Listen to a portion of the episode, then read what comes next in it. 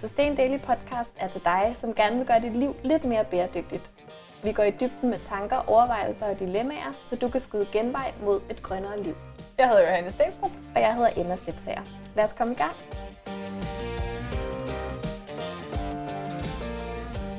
Hej Emma. Hej Johanne. Åh, oh, det er lidt sørgeligt at skulle optage i dag. Ja, det er faktisk lidt sørgeligt. Det er lidt nice, fordi det er noget helt vildt sjovt, vi skal optage, men det er også lidt trist, fordi det er sidste afsnit af Sustain Daily Podcast i sæson 2. Det er det i hvert fald. Men øhm, det bliver ikke sidste afsnit. Og øh, sidst, da vi lavede sidste afsnit af sæson 1, der vidste vi ikke rigtigt, hvordan omledes podcasten kom tilbage. Det ved vi heller ikke 100% nu. Altså, vi kan ikke sige en dato, men den kommer hurtigere tilbage i år. Det gør den helt klart. Der kommer en sæson til efteråret. Det kan vi godt love. Vi kan simpelthen bare ikke lade være. Vi synes, det er mega nice at lave podcast, og øh, vi synes, det er helt vildt fedt at høre fra jer, der lytter med, at I også får noget ud af det, og det bekræfter os bare i, at det her det er noget, vi skal fortsætte med. Så det gør vi. Og øh, i dag skal det handle om alle jer, der lytter med, fordi at øh, vi har fået en masse rigtig, rigtig spændende spørgsmål. Jeg glæder mig helt vildt meget til at dykke ned i dem. Vi øh, spurgte jer jo, om der var noget, I ville vide, og øh, det var der heldigvis. Det havde været en kort podcast, hvis ikke I havde stillet nogle rigtig gode spørgsmål. Og det har I. Yes. Så... Og øh, det virker til, at I vil have en blanding af hardcore konkrete tips og øh, spørgsmål eller sådan ting, hvor vi skal tænke lidt mere over det samtale. Og det er jo bare den bedste kombi i verden. det synes, det er en del kombi. Men øh, lad os hoppe direkte ud i det. Anne spørger, hvad er mest miljørigtigt i forhold til affaldssortering af bionedbrydeligt affald, som ikke er mad? Hun nævner for eksempel en tandbørste af noget bionedbrydeligt plastik. Ja, er det så mig, der skal svare på det, eller skal jeg starte? Du kan jo sige dine tanker. Ja. Umiddelbart tænker jeg, at øh, hvis man er usikker på, hvordan man skal affaldssortere en eller anden dims, og ikke har tænkt sig at researche det, så skal man smide den i restaffald.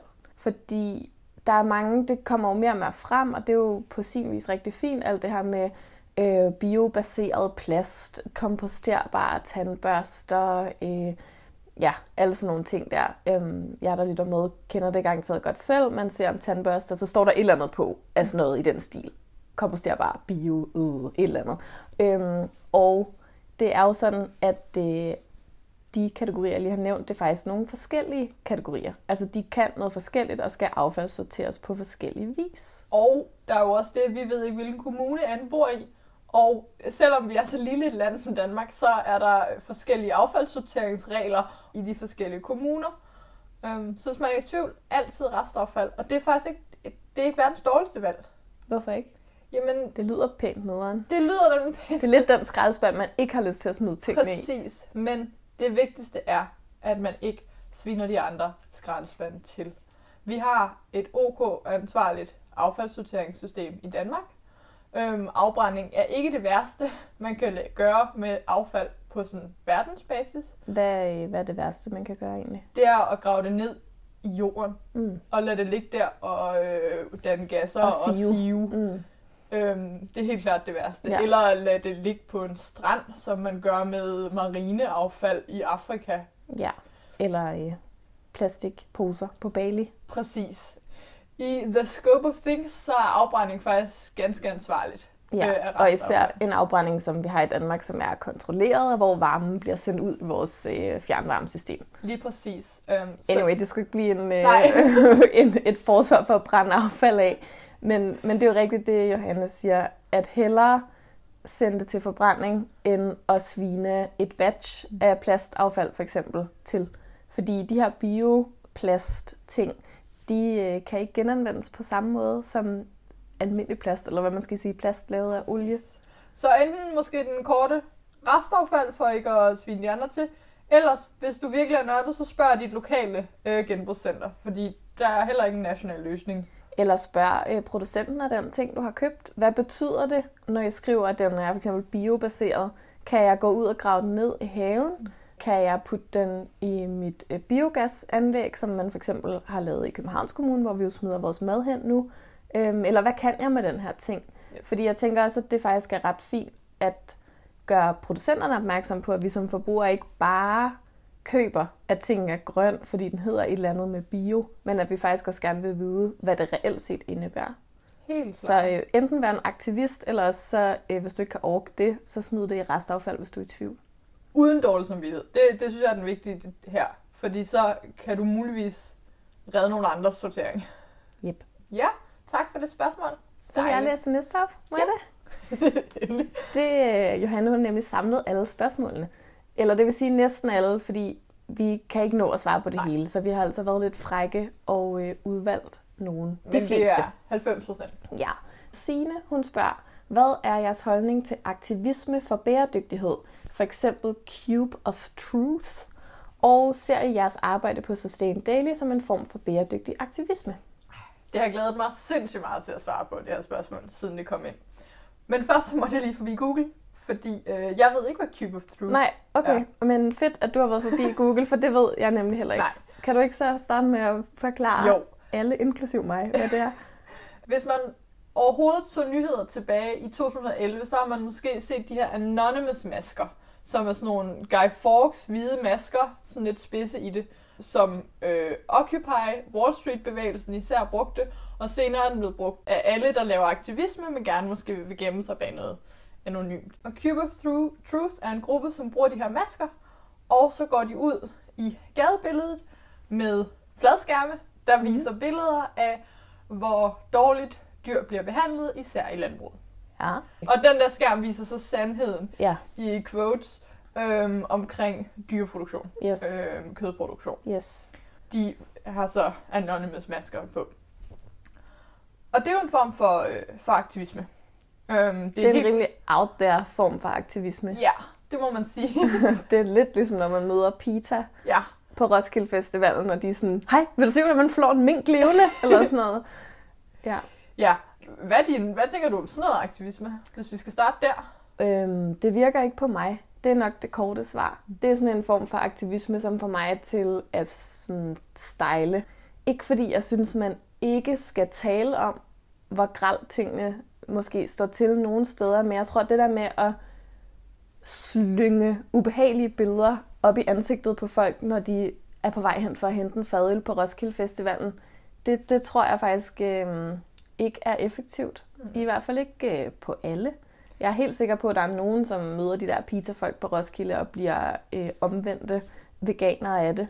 Øhm, jeg gør ikke. Jeg får det sådan, uh, jeg var faktisk lige i gang med noget andet, og jeg tror, det har vi også snakket om mange gange på podcasten her, at information skal komme på det rigtige tidspunkt. Der er noget timing i. Og på den rigtige måde. Ja, men også bare rigtig meget på det rigtige tidspunkt. Altså, der er virkelig noget sådan, timing over, hvornår man kan tage noget ind og faktisk bruge det til noget. Og at det lige skulle være på det tidspunkt, hvor man møder en eller anden med en cube of truth, det skulle man være heldig, tror jeg. Ja. Jeg synes også, det er en meget aggressiv øh, form for aktivisme. Det er ikke det samme. Jeg synes godt, den kan være sammenlignelig med, ja, PETA, som måske også har nogen sådan kaste rød maling på pelsfrakker, eller Greenpeace, som øh, kan lave sådan nogle meget besætte ting. Der er rigtig mange former for bæredygtig aktivisme, som er meget in your face, mm. og meget aggressiv i, sit, i sin øhm, udtryksform. Og jeg tror, jeg reagerer dårligt på, når nogen gerne vil fortælle mig et aggressivt budskab. Det, det tager jeg ikke særlig dårligt. Eller jeg synes godt nu alligevel, der er forskel faktisk, fordi mange af Greenpeaces ting, de er jo ikke myndet på enkeltpersoner. Det er jo ikke Helt sådan, hej, øh, vil du stoppe brugerplatformene? Det er mere sådan, okay, nu hænger jeg mig op i den her kran eller et eller andet, sådan, så I ikke kan komme til at rive det her ned. Altså, den er på en måde mere myndet på virksomheder, eller... Ja, de har også haft Shell-kampagner, som er myndet på, øh, synes jeg, brugere af Okay, Shell. ja, okay. Nå, det er bare fordi, jeg fik sådan et billede af aktivisten, der øh, har klistret sig fast Ja. til et træ foran en bulldozer, Helt eller klart, sådan. Og det synes klart. jeg er en anden... Det synes jeg også er en anden øh, form for aktivisme.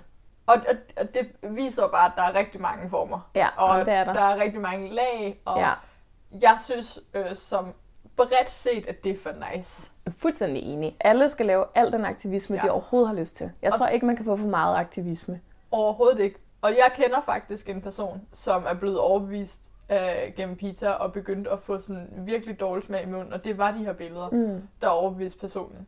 Jeg vil Og- også sige, at jeg får ikke lyst til at spise mere kød. Altså nu, jeg har jo, Ja. man skal jo ikke overbevise mig om ikke at spise kød. Jeg er overbevist i forvejen.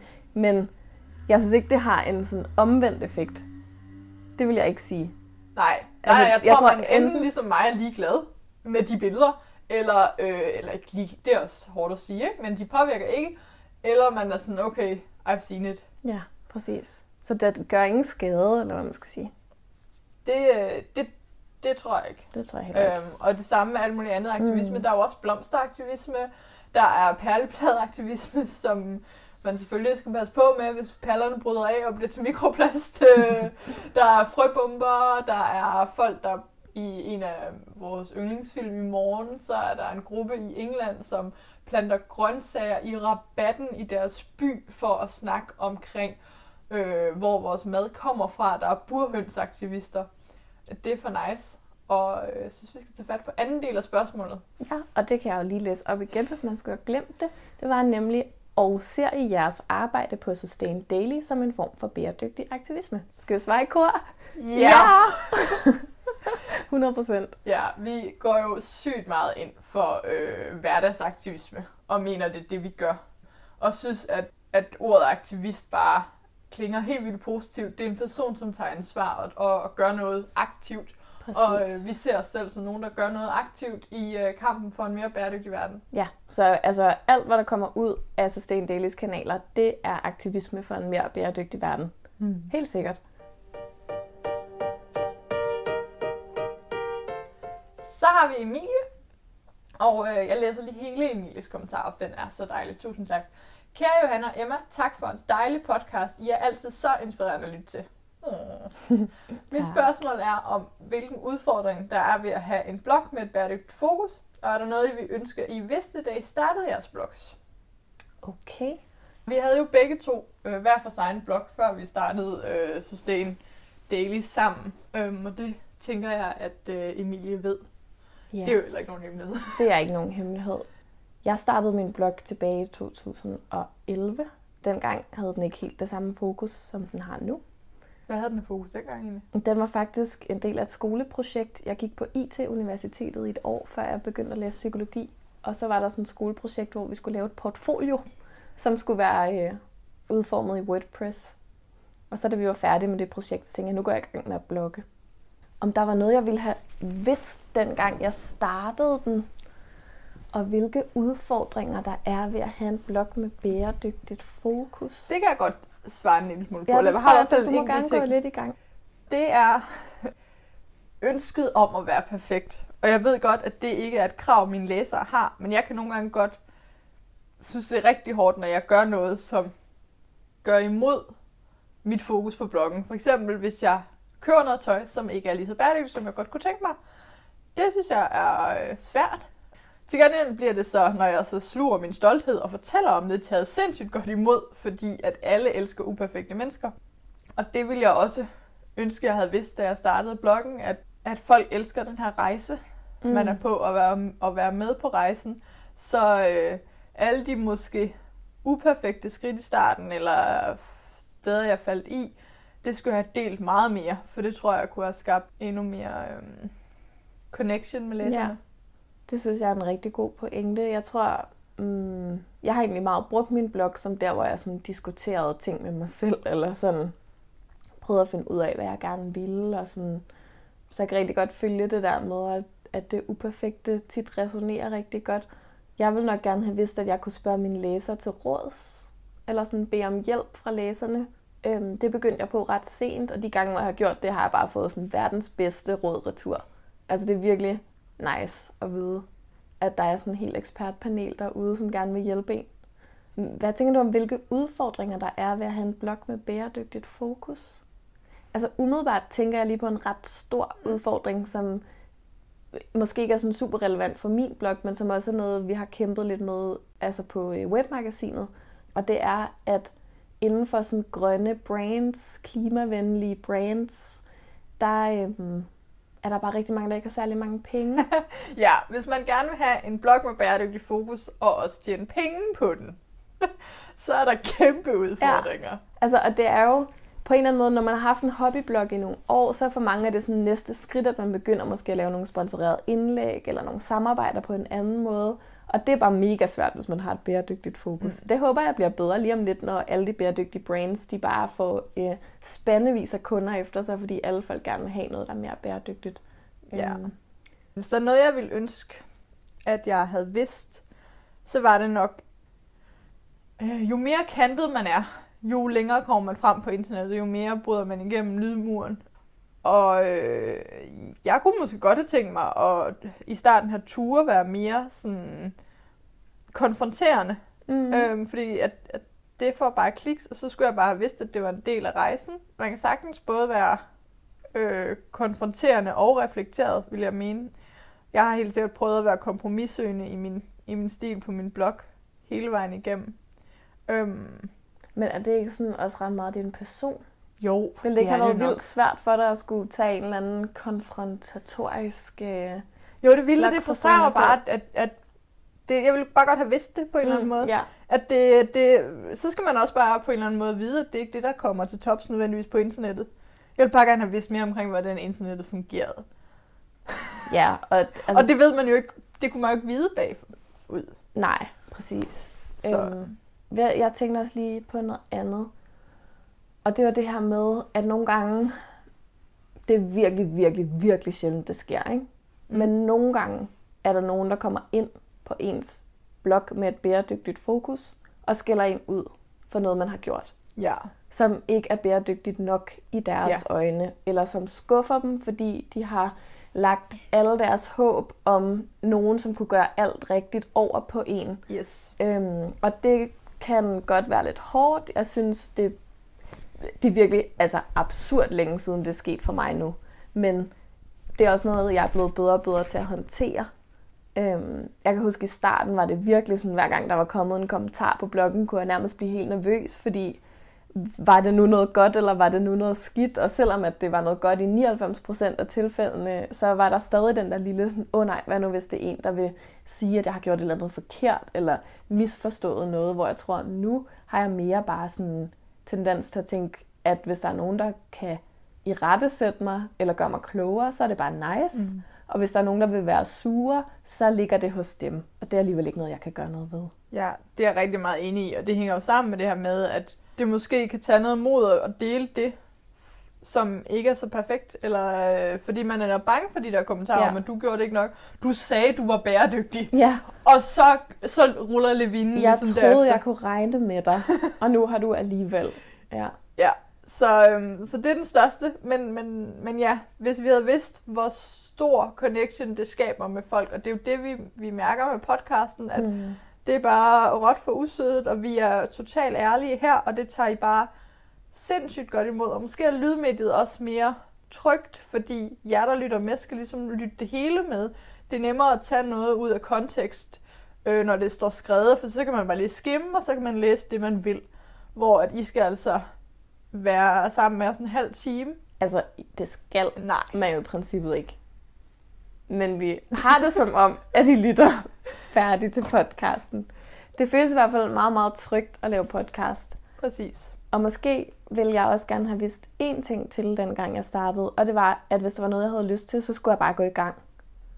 Øh, det tog godt nok lang tid, før vi startede den her podcast. Yes. Jeg havde i hvert fald snakket om den i et år, halvandet år, eller sådan noget. Du havde helt sikkert tænkt på den. Jeg havde nok tænkt på den så længe. Ja. Og så før jeg var kommet til at snakke om den, var det yes. nok også gået noget tid. Ja. ja, det er jo lidt sådan, at øh, det var mit kæmpe brændende ønske at lave noget på papir, mm. og du vil gerne lave noget lyd. Og nu laver vi begge dele. Yes. Og I tager så godt imod det, og det er så fedt. Nice.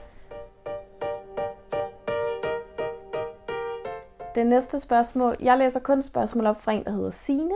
Ja. Øhm, den her spørger hedder nemlig også Sine, men den anden Sine. Og hun spørger, hvordan undgår man bedst engangsbrug? Sugerør, bind, tamponer, køkkenrulle, flasker, dåser osv. Det er jo øh, en bred kategori, som Signe giver sig i kast med her og spørger ind til. Så jeg synes, øh, det umiddelbart er svært at svare samlet. Udover det, jeg måske vil svare som samlet, er, lad være med at tro, at du opnår det fra den ene dag til den anden.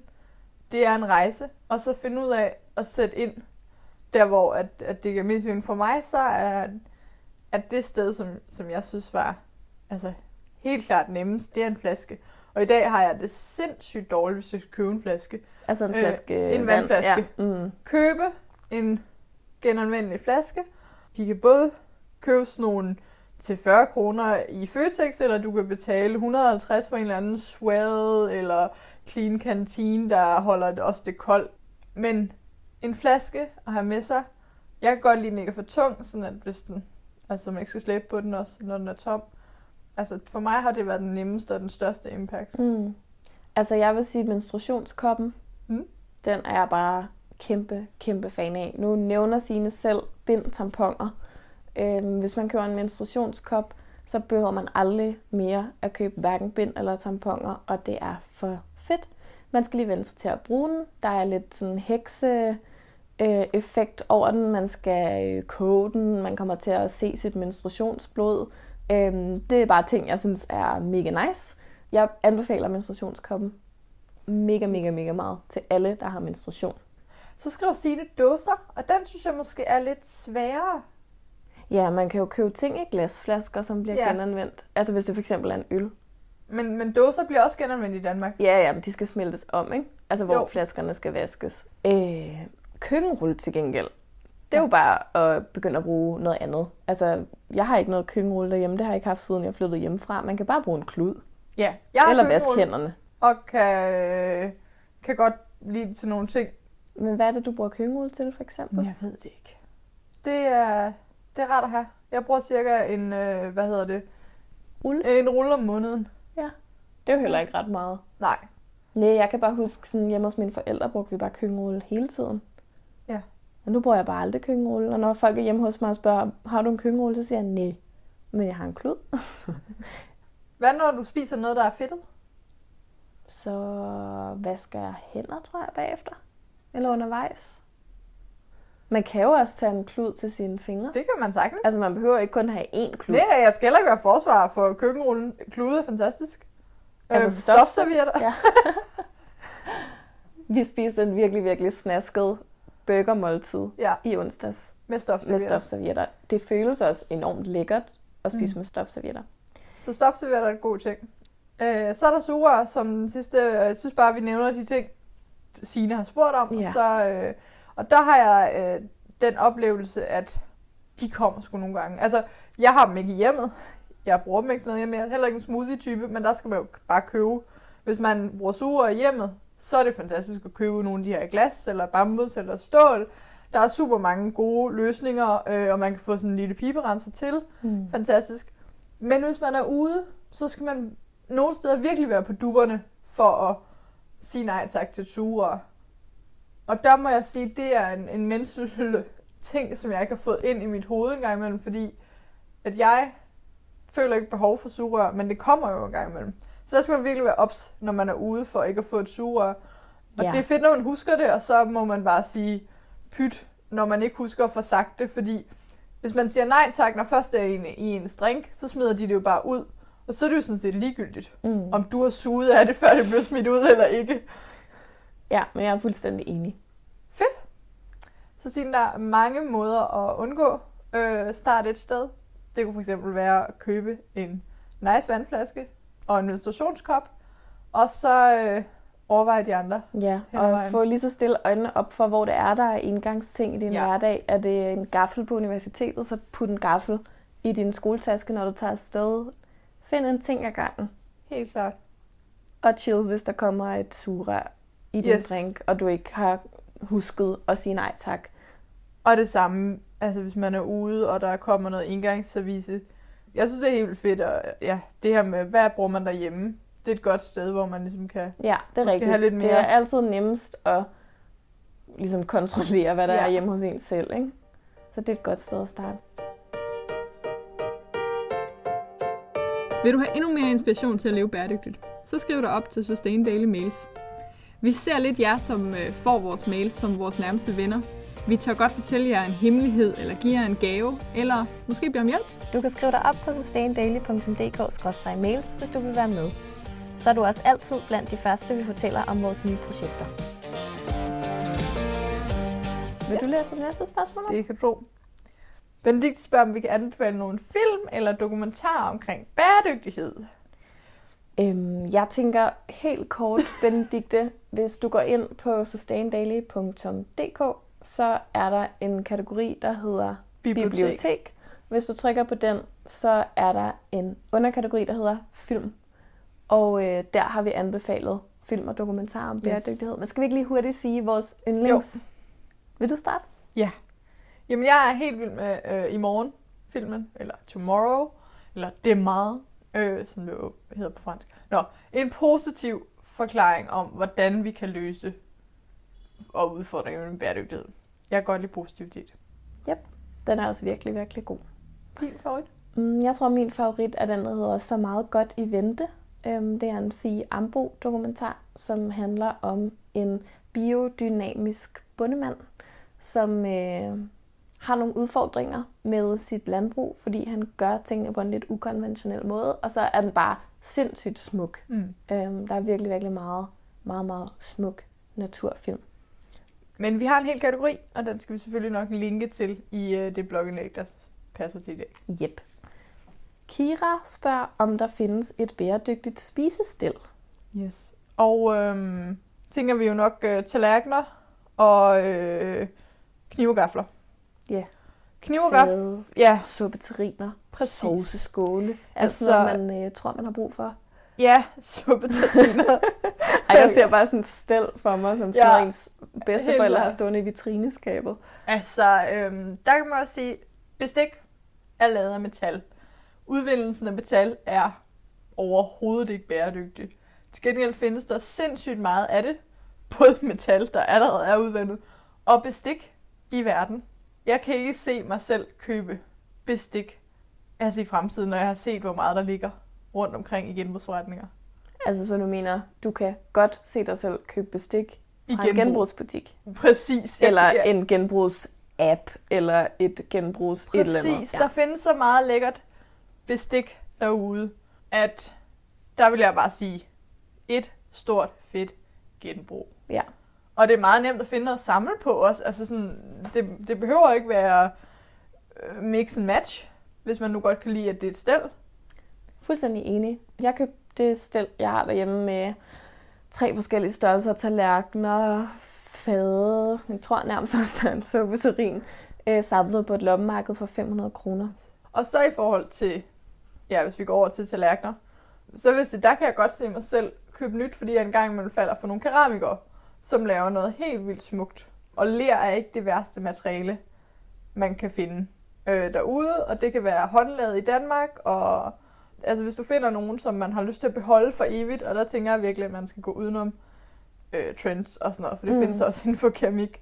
Men kunne jeg stadig mig vil selv. det være væsentligt mere bæredygtigt at købe noget brugt. Og der Helt findes også klart. sindssygt meget brugt af sådan noget. Tallerkener, skåle, halløj, 100. ude Det verden. mest øh, bæredygtige er altid genbrug. Yes. Men det var mere, jeg vil godt lave distinktionen mellem ler og metal. Yep. Det er de færreste tallerkener, der er lavet af metal. Trods alt. Yes. Og være træ, så øh, FSC-certificeret, øh, hvis ikke genbrug. Yep. Goodie. Så har vi øh, Sine. Tine nummer tre. Yes, Sine stiller gode spørgsmål. Det gør de. Hvordan finder man et bæredygtigt fællesskab? Altså hvis man er fundet frem til os, så har man jo i hvert fald allerede fundet et. Vi bryster os jo i hvert fald af at være et bæredygtigt fællesskab.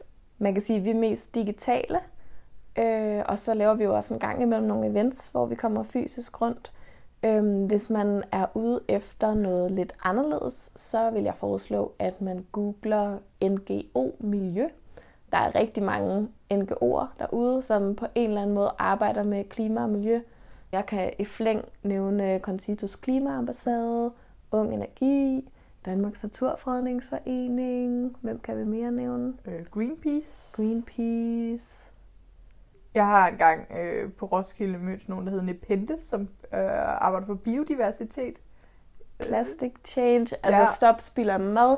Der er Præcis. rigtig, rigtig mange. Frivillighed er det bedste fællesskab, og vi har begge to været frivillige i lange perioder, altså i sådan mere organiseret frivillighed, end, end det vi laver nu. Og det, det er fællesskaber, som man ikke finder dem andre steder, vil jeg sige. det er helt, helt vildt fantastisk. Og hvis man vil dip tåen i det, kan man jo møde op til et event, som nogle af de her øh, NGO'er laver, og så lige lugte til det fællesskab, der er i de foreninger. Ja. Så vi kan øh, varmt anbefale det danske foreningsliv som et bæredygtigt fællesskab. Det er bare mega nice at være frivillig sammen med nogle andre, der brænder for det, som man selv gør. Yes. Det kommer der smukke ting ud af. Så har vi Jens. Dejligt at se en mand. Jens spørger, kan man købe dansk roesukker? Han har lagt mærke til, og specifikt økologisk roesukker. Han har lagt mærke til, at man enten kun kan finde udenlandsk økologisk rørsukker. Ja, og øh, det var et af de spørgsmål, som krævede, at jeg lige gik en tur på Google. Det er slet ikke noget, jeg har overvejet, men han har jo ret i, at når man køber sukker, er det ofte rørsukker, og sukkerrør kan ikke vokse i det klima, vi har, så det er ligesom transporteret en del gennem verden. Og jeg fandt faktisk ud af ved at google det, at der simpelthen er en up-and-coming øko sukker community i det danske landbrug. Øhm, så øh, det kan man om få år, Jens. Så kan du købe økologisk dansk roesukker. Øh, fordi efterspørgselen simpelthen er rising. Øh, det synes jeg bare er mega fedt. Jeg tror, at sukker er en vare, som kan transporteres utrolig klimavenligt, mm. fordi den er utrolig holdbar, ikke kan blive stødt. Øh, Så på den måde tror jeg ikke, at øh, alle os, som ikke køber dansk økologisk roesukker, behøver at have super dårlig CO2-samvittighed, men det er da rigtig spændende, øh, Mm. hvis der kommer en lokal sukker. Ja. Hvorfor ikke, kan man sige? Jeg er også ret sikker på, at, at man fragter sukker med skib. Ja, jamen, det gør man 100%. Så, øhm, men, Og men, i papirsposer. Ja. Så altså, på den måde tror jeg, at sukker er relativt... Sukker er jo et konserveringsmiddel. Altså, Ja. det er jo ikke... Nå. Men fedt. Det skal ja, vi da have. Ja, altså, øh, it's coming. Så I hørte det først her. Kan vi Økologisk bage, dansk øh, roesukker Kan vi bage ting. julekagerne med økologisk dansk, eller er det længere ude? Jeg tror, det er længere ude, for det var en ny artikel, der skrev, at om få år vil vi kunne få økologisk dansk Den roesukker i den prøver vi almindelige også lige at handel. linke til i show notes. Yep. Så øh, har vi det sidste spørgsmål. Det er Simone, der har stillet det på Instagram. Og øhm, jeg læser også hele kommentaren op. Simone hun skriver, jeg er så vild med jeres podcast og lyttede netop til afsnittet om klimaskepsis.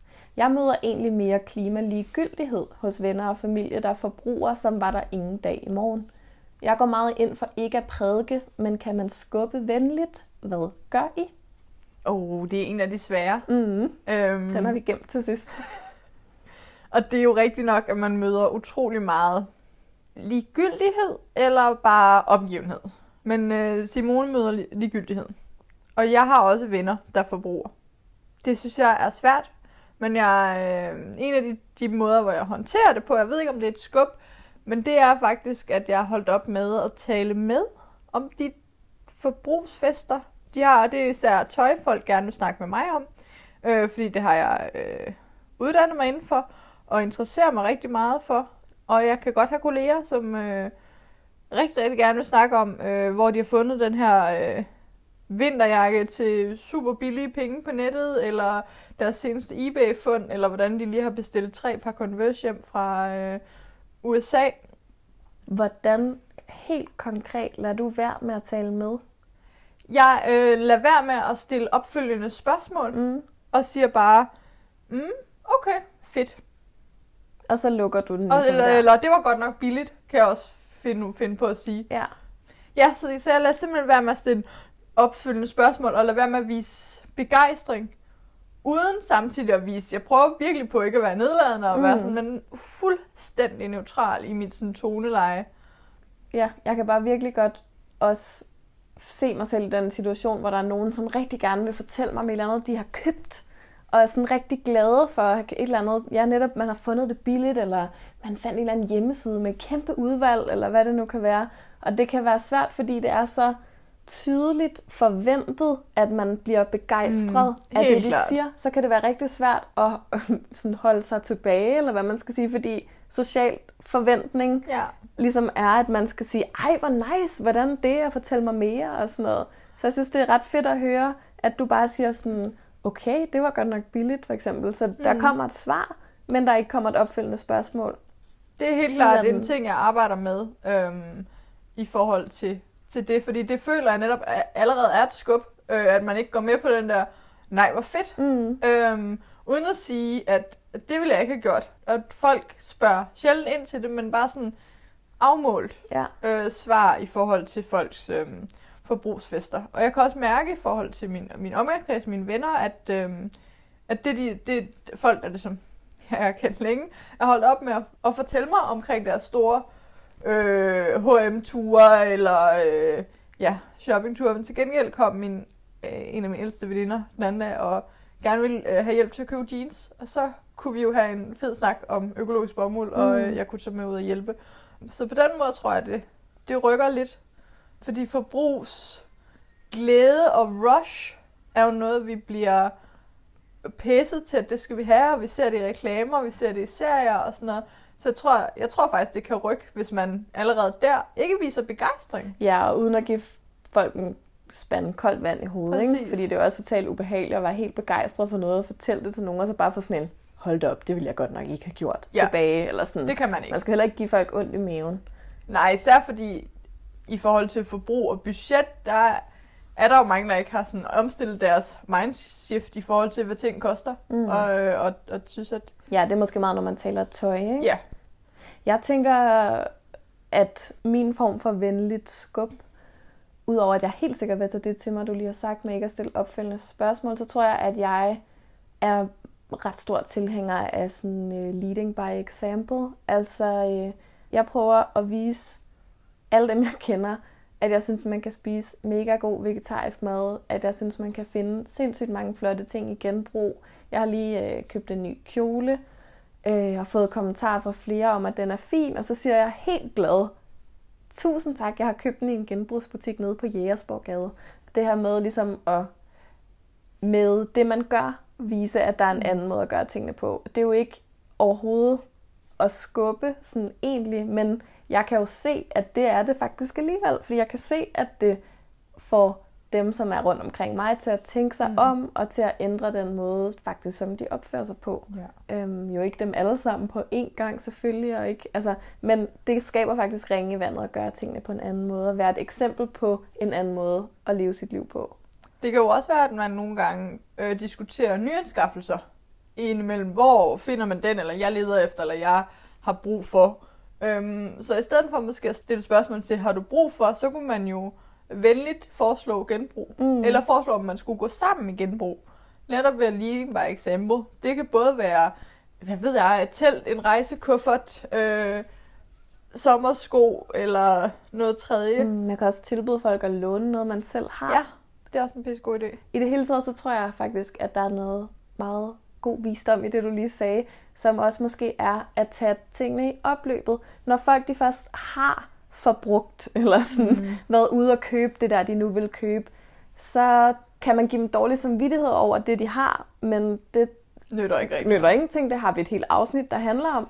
Men hvis man kan fange den i opløbet, netop når der bliver snakket om, hvad skal I have på til Begittes bryllup, eller øh, altså at man så der kan tage mm. snakken om, hey, du kan bare komme hjem og kigge hos mig, eller kender I den her genbrugsbutik? Eller når Allan og Rie er flyttet i lejligheder, og de spørger, ej, hvilket spisestel synes I er nice, så kan du sige, jeg har fundet et genbrug. Øhm, kender du øh, den her genbrugsapp, hvor man kan, altså alt sådan noget der, tag det inden at købet bliver lavet, inden rejsen bliver bestilt. Fordi hvis din veninde kommer og fortæller dig, at hun lige har købt en øh, flybillet til Bali, så er det måske ikke der, øh, man skal begynde at tale bæredygtig ferie. Mm-hmm.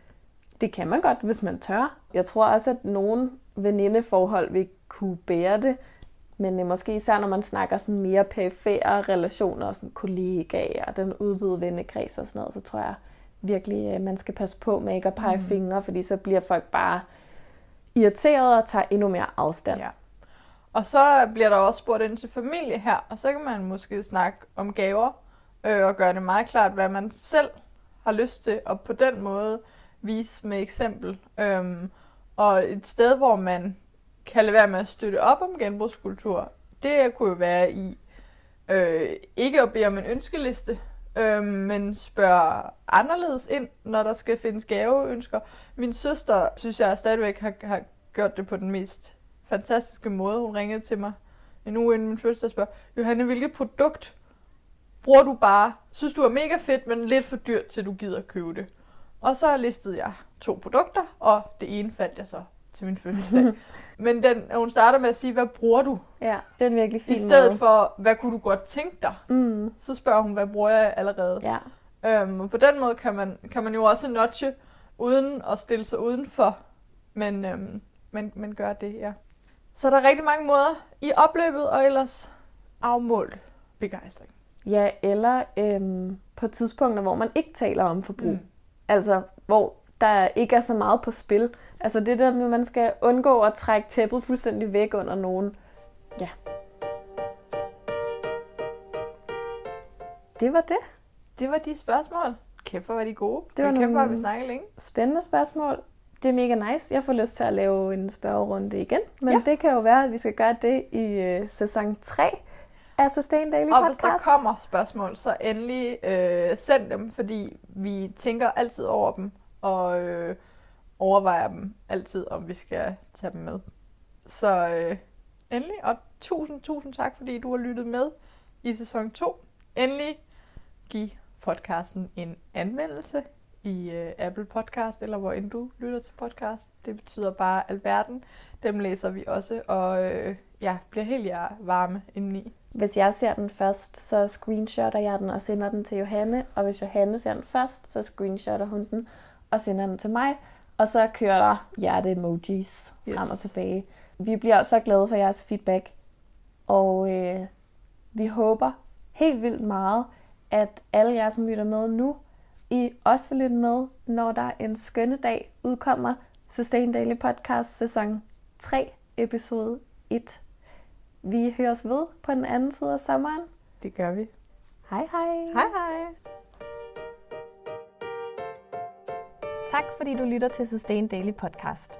Hvis du kan lide, hvad du hører, kan du hjælpe os på vej ved at abonnere på podcasten i din yndlingspodcast-app og skrive en anmeldelse.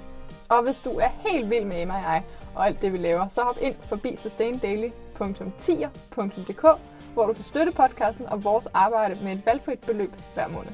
Og det var sustaindaily.10er.dk.